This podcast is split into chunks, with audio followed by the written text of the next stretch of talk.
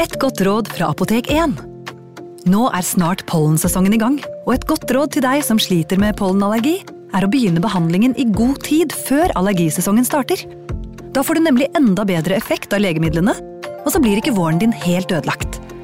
Kom innom og få råd på ditt nærmeste Apotek 1, eller chat med oss på apotek1.no. Apotek 1 vår kunnskap, din trygghet.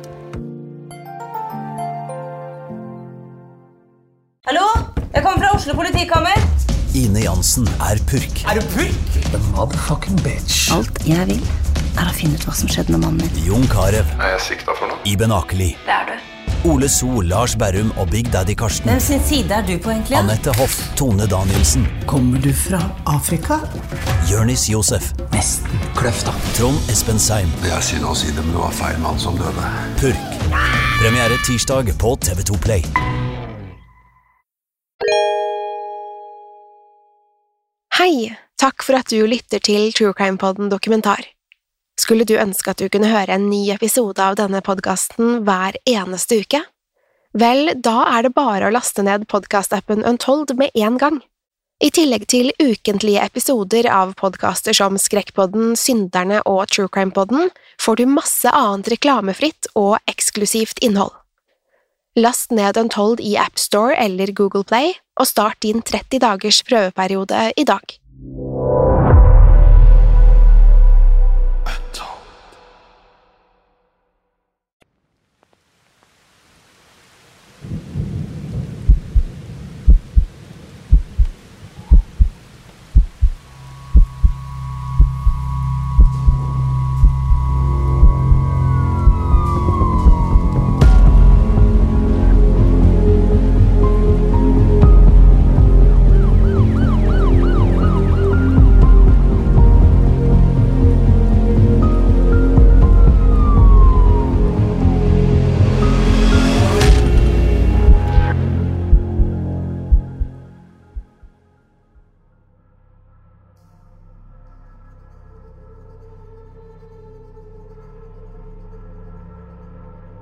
Da Malaysia Airlines digre Boeing 777-fly og alle de 239 menneskene om bord forsvant sporløst i mars 2014, markerte det starten på et av de største mysteriene i luftfartshistorien.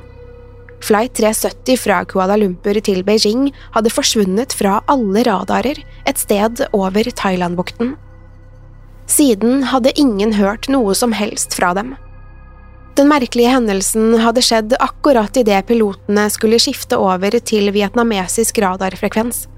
Bakkekontrollen i Malaysia hadde ønsket kaptein Sahari Shah og førsteoffiser Farik Hamid god natt, og hadde fått et ønske om en god natt tilbake. Det var siste gang noen utenfor flyet hørte stemmene deres. Pilotene hadde aldri byttet over til vietnamesisk bakkekontroll, og alle forsøk på å kontakte cockpiten hadde mislykkes. Til å begynne med var alle sikre på at kommunikasjonssystemene om bord Flight 370 hadde sviktet. Det var ingenting i forkant av forsvinningen som tilsa at noe var galt, eller som ga grunn for bekymring. Kaptein Shah og kopilot Hamid hadde oppført seg helt normalt, og det var ingenting i veien med flyet, i alle fall ikke som flyselskapet visste om. Det var likevel flere merkelige ting som skjedde på en og samme gang da kommunikasjonen mellom bakkekontroll og flyet ble brutt. Like før Flight 370 hadde forsvunnet fra radaren, hadde det nemlig tatt en uventet manøver. Flyet hadde drevet av kursen sin og svingt østover mot Sør-Kinahavet. Deretter hadde alle skjermer blitt svarte, og flyet var forsvunnet. Da Flight 370 ikke hadde ankommet flyplassen i Beijing til avtalt tid, var det derfor naturlig å begynne søket i nettopp Sør-Kinahavet. Flere interessante funn ble gjort, men ingen av dem viste seg å ha noe som helst med Flight 370 å gjøre. Venner og familie av menneskene om bord kunne ikke skjønne at noe som dette kunne skje. Det var ufattelig at Malaysia Airlines kunne miste et helt fly på den måten. Med alt av teknologi som var tilgjengelig, virket utenkelig at de bare kunne forsvinne sporløst. Sannheten var likevel at Flight 370 var borte, og ingen visste hvor det kunne være. Malaysiske myndigheter arbeidet på spreng for å finne flyet og løse den merkelige gåten. Her var det snakk om over 200 menneskeliv som sto på spill, og de hadde ingen tid å miste. Likevel skulle de ikke komme noen vei. Det hjalp ikke da det flere dager etter forsvinningen skulle komme enda en nedslående beskjed. Selv om flyet hadde forsvunnet fra bakkekontrollens radarer, var det fremdeles én radar som hadde klart å plukke opp signalene. Denne tilhørte ingen andre enn det malaysiske forsvaret. De kunne avkrefte at flyet hadde fortsatt videre østover. I stedet hadde det tatt en nærmere 180 graders sving rundt og vendt nesen tilbake mot Malaysia. Deretter hadde flyet tatt en sving rundt øystaten Penang og fortsatt videre nordvestover, mot Indiahavet. Dermed hadde letemannskapet sløst dyrebar tid på å lete i feil hav. Flight 370 var slett ikke å finne i Thailandbukten eller Sør-Kina-havet, men måtte ha styrtet et sted over Indiahavet. Nå var sjansene for å finne overlevende lik null, men i det minste hadde de et nytt spor å følge. Problemet var at Indiahavet var så uendelig stort. I tillegg kunne Malaysia Airlines flight 370 være hvor som helst innen en radius på nærmere 6500 km fra der det først hadde mistet signalet. Malaysiske letemannskaper så over kartene og innså hvilken enorm oppgave det ville være å lete gjennom det dype havet. Dette var en altfor stor oppgave for malaysierne alene. De trengte hjelp om de skulle ha noe som helst håp om å finne rester av flight 370. Myndighetene ba om assistanse fra en rekke andre land i søket, og snart hadde Australia kastet seg på. Dermed var en av tidenes største leteaksjoner i gang. Det var ingen enkel oppgave. Indiahavet hadde noen av de vanskeligste forholdene i verden. Letemannskapene trosset utfordrende vær, vind og bølger, noe som forsinket søket voldsomt. Det hjalp heller ikke at området de lette gjennom var på størrelse med Storbritannia, og skremmende dypt. Selv om det var en stor flymaskin de lette etter, på over 60 meter i lengde, var havet så uendelig mye større. De søkte med satellitter, redningsskøyter og ubåter, men ingenting ble funnet. Snart ble også flere land med på leteaksjonen, med alt de kunne avse av teknologi og utstyr. Innen noen få dager hadde over 25 land engasjert seg i søket. Hundrevis av vann- og luftfartøyer pløyde gjennom Indiahavet til alle døgnets tider. Likevel var det som Flight 370 hadde gått opp i røyk. Ti dager gikk uten et eneste funn. Så 15 og 20, men ingenting av interesse dukket opp. Det var ikke et eneste tegn til det forsvunne flyet noe sted. I tillegg skulle logistikken rundt søket være et mareritt å organisere. Med et så stort område og så mange lands letemannskaper involvert, var det så godt som umulig å holde styr på alt sammen. Dagene fortsatte å tikke og gå, uten noen nevneverdige resultater. Det hendte at helikopter eller fly fikk øye på noe som kunne minne om vrakrester i luften. Da ble båter sendt ut til området for å undersøke, kun for å oppdage at funnene ikke hadde noe som helst med Flight 370 å gjøre. Hver gang det kom en rapport om et nytt funn, skrev nyhetsmediene stort om det. Dette ga pårørende håp om at de endelig skulle få noen svar. Likevel skulle de bli skuffet hver gang. Objektene som ble funnet, var alltid enten fra passerende lasteskip eller søppel som hadde drevet fra land et eller annet sted ved Indiahavet. Letemannskapene brukte det ypperste av teknologi og verktøy i jakten på det forsvunne flyet. Søket foregikk både over og under vann, med satellitter, sonarverktøy og roboter som kunne analysere havbunnen. Likevel skulle det ikke gi noen resultater. Månedene gikk, og stadig mer av havbunnen ble klarert, men Flight 370 forble like borte som det hadde vært i mars. Leteaksjonen hadde allerede kostet malaysiske myndigheter en formue, og så lenge jakten pågikk, fortsatte pengene å strømme ut. Likevel nektet de å gi seg før de hadde noen svar til de pårørende, eller var absolutt nødt. Innen året var omme, hadde over 300 000 kvadratkilometer av havbunnen blitt gjennomsøkt. Til tross for det enorme stykket arbeidet som ble lagt ned i jakten på Flight 370, og de mange landene som deltok i søket, skulle ingenting bli funnet. I mai 2015, over ett år etter den tragiske forsvinningen, kunne ikke myndighetene ta seg råd til å lete lenger.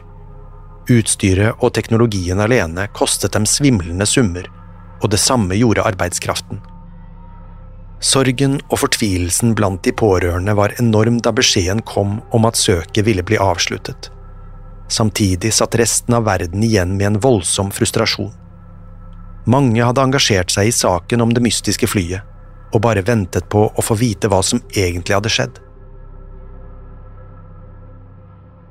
Nå så det ut til at skjebnen til Flight 370 aldri skulle avsløres. Alle spor etter flyet hadde blitt visket bort, eller ble holdt skjult av det knusende havdypet. Det var helt til sommeren 2015, da det plutselig skulle dukke opp noe.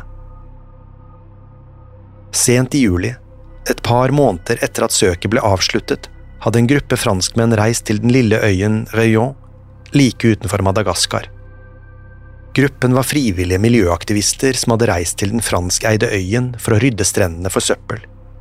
Det var langdrygt og slitsomt arbeid, men noen måtte gjøre det. Søppel og skrot fra havet ble stadig skylt i land og gjorde strendene nesten ufremkommelige. Strandrydderne hadde arbeidet et par dager, da de plutselig hadde fått øye på noe som ikke lignet på det vanlige skrotet som ble skylt i land. Som regel var det plastikk og mindre gjenstander, men dette var noe helt annet. Det strandrydderne så, var stort, flatt og hvitt, og så ut til å være laget av metall. De fisket gjenstanden ut av vannkanten og innså at dette ikke var noe hvilket som helst stykke søppel fra havet. Myndighetene ble straks kontaktet, og de kom til stedet med det samme. Det var da de oppdaget en rekke siffer som var trykket på metallplatens underside. Ved nærmere undersøkelser ble det klart at sifrene var et serienummer på et fartøy. Men det var ikke et hvilket som helst serienummer. Dette tilhørte ingen andre fartøy enn det forsvunne flyet Malaysia Airlines Boeing 777 Flight 370. For første gang på over et år var noe fra det savnede flyet endelig blitt funnet. Etter hva etterforskerne kunne forstå, var metallplaten en del av flyets vinge, som kalles en flapron. Dette var et slags ror innerst på vingen som hjalp til å stabilisere flyet. Så snart det ble klart at delen faktisk stammet fra Flight 370, kastet franske og malaysiske myndigheter seg rundt igjen. Det ble satt i gang et nytt søk, denne gangen i området rundt øyen Reunion, i håp om å finne flere spor etter flyet. Det skulle ikke ta lang tid før flere minner fra Flight 370 dukket opp. En ødelagt koffert drev lenger ut på havet, og kinesiskproduserte vannflasker var blitt skylt i land på strendene. Ingen kunne riktig tro at det hele var sant.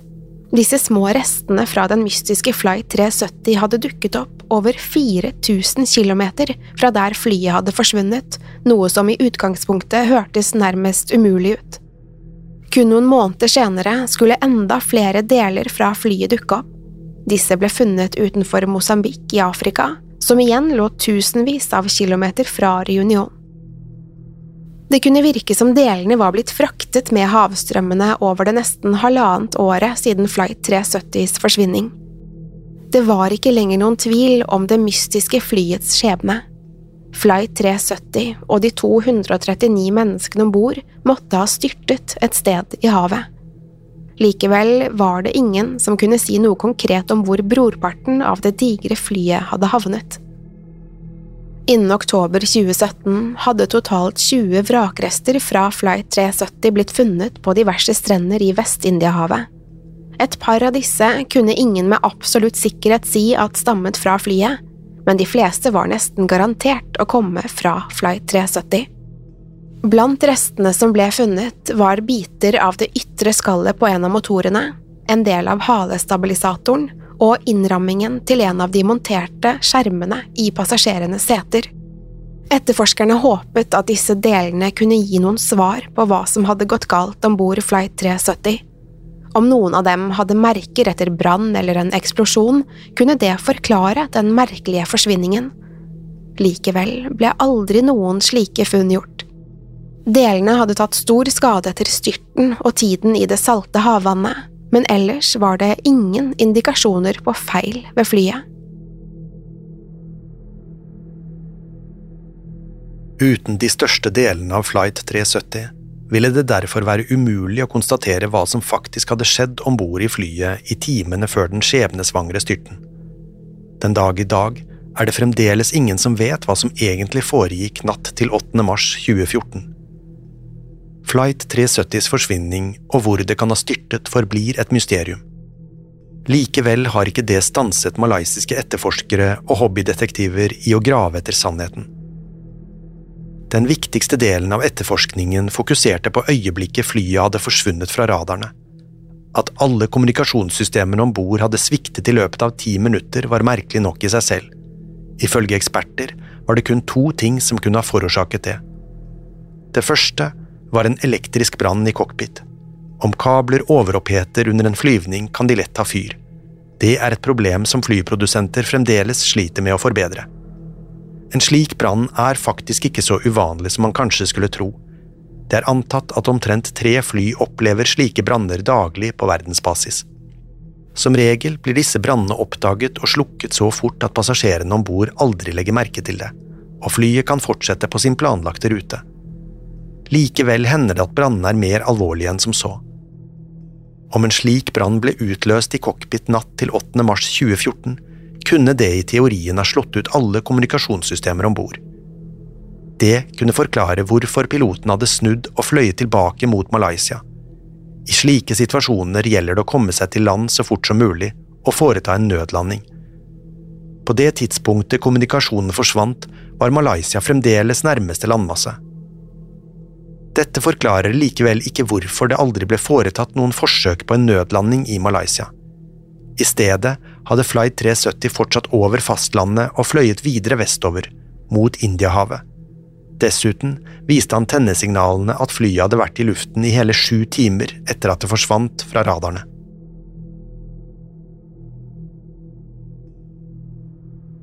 Dermed fantes det kun én annen forklaring på hvorfor kommunikasjonssystemene hadde sviktet. Om det ikke hadde vært snakk om en brann, måtte det bety at noen i cockpiten manuelt hadde deaktivert systemene. Kunne en av pilotene ha gått inn for å sabotere Flight 370, og i så fall hvorfor? I tiden etter den merkelige forsvinningen hadde myndighetene undersøkt bakgrunnen til de to pilotene nøye.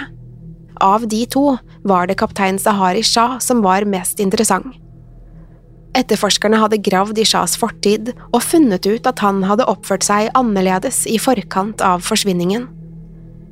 Shah hadde alltid vært en familiekjær og samfunnsengasjert mann, men de siste månedene hadde han blitt innesluttet og tilbaketrukken. Han så ut til å ha mistet interessen for alt som en gang hadde vært viktig for ham, og tilbrakte mesteparten av tiden for seg selv. Da satt han konstant og arbeidet på en flysimulator han hadde fått bygget i kjelleren sin. Dette hadde gått så langt at Shahs kone og barn hadde forlatt ham like før den skjebnesvangre flyvningen. Det var ingen tvil om at dette hadde gått inn på ham, men det var likevel noe annet ved Shahs fortid som var mer skremmende enn hans mentale tilstand i forkant av forsvinningen. Da etterforskerne undersøkte flysimulatoren hans, oppdaget de at en rekke data var blitt slettet fra minnekortet.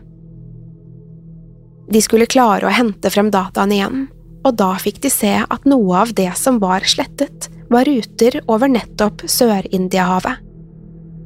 Det var viktig for etterforskerne å presisere at rutene ikke var de samme som Flight 370 hadde tatt natt til den 8. mars, men en helt vanlig rute fra Malaysia til India.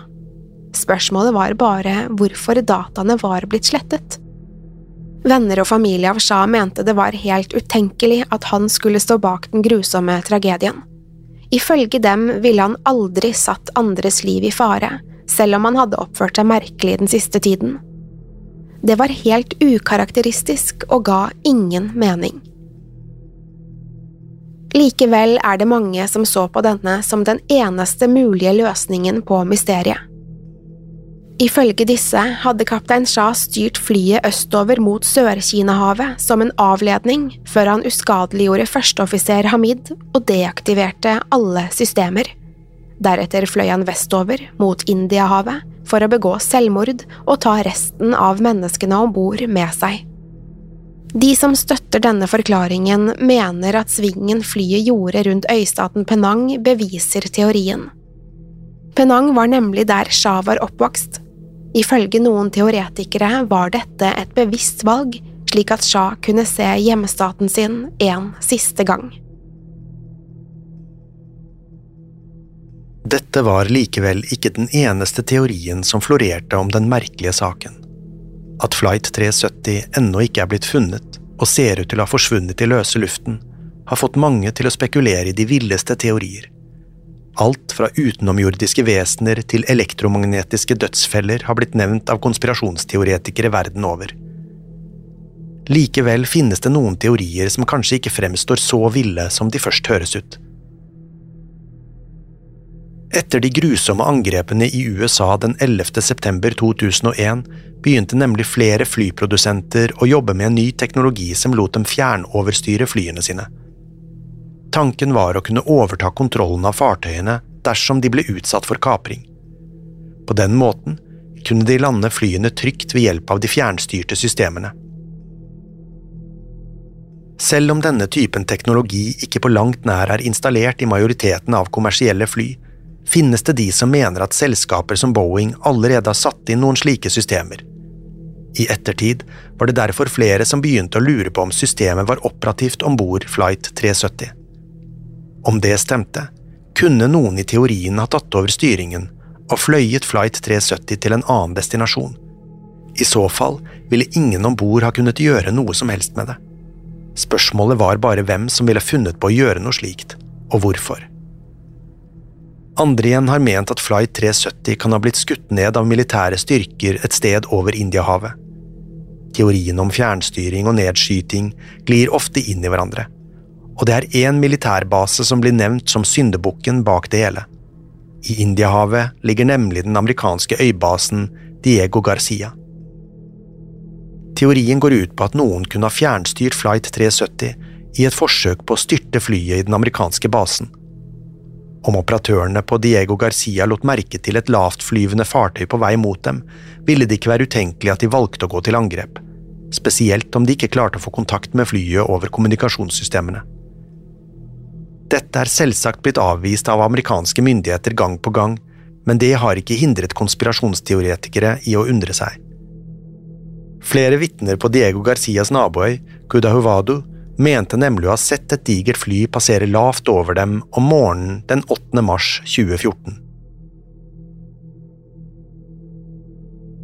Dette er kun noen få av de mange teoriene som har florert om den merkelige forsvinningen. Ingen versjon av historien ser ut til å kunne forklare alt det mystiske som skjedde natt til 8. mars 2014. Det er disse hullene i teoriene som har gjort saken om Malaysia Airlines Flight 370 til et av de største mysteriene i luftfartshistorien. Alt og ingenting ser ut til å stemme på en og samme gang. Den har fått eksperter og konspirasjonsteoretikere til å undre i en årrekke. Den dag i dag har vi fremdeles ingen håndfaste beviser som med sikkerhet kan si noe om flyets skjebne. Ingen vet hvor Flight 370 befinner seg, eller hvorfor den grusomme tragedien skjedde.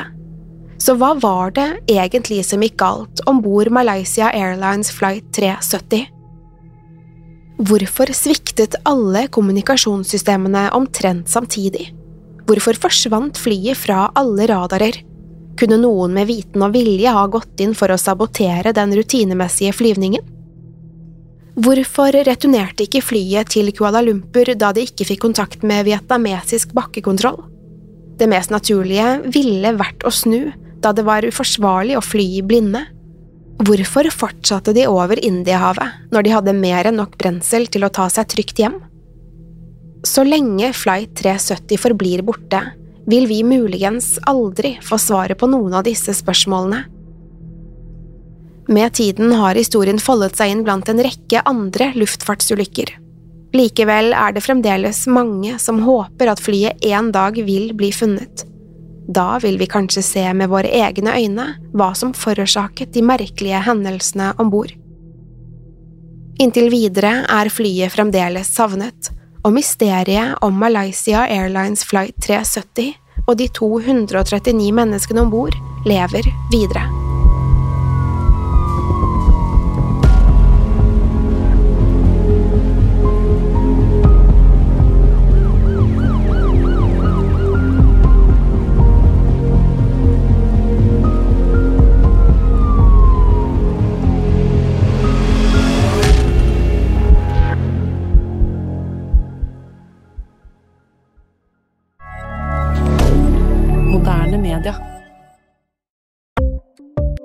Ukens annonsør er Folio, en smartere banktjeneste for deg som har en egen bedrift eller ønsker å starte for deg selv.